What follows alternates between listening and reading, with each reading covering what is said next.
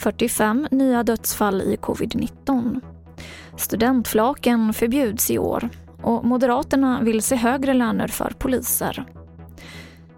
TV4-nyheterna börjar med att 45 nya dödsfall har rapporterats in i covid-19 idag. Och totalt har nu 13 968 personer avlidit av sjukdomen här i Sverige. Det här meddelade Folkhälsomyndigheten under sin pressträff idag.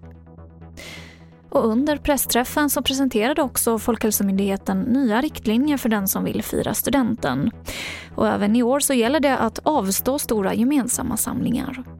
Tänk också på att tyvärr blir det inga studentflak i år och det går inte några alternativ på andra sätt är inte heller möjliga eftersom de flesta av dem faller under regelverk eh, där man bara får vara åtta personer. Så det är ett viktigt medskick att den här studenten blir inte som studenter brukar vara med den typen av aktiviteter.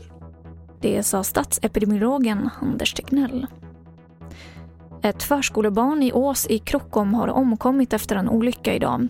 Barnet befann sig på en cykel som krockade med en backande lastbil.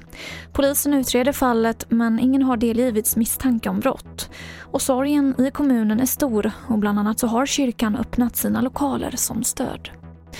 Och mer om det här finns på tv4.se.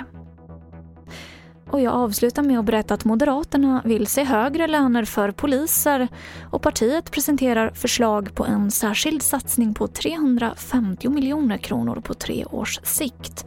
Det här rapporterar SVT om.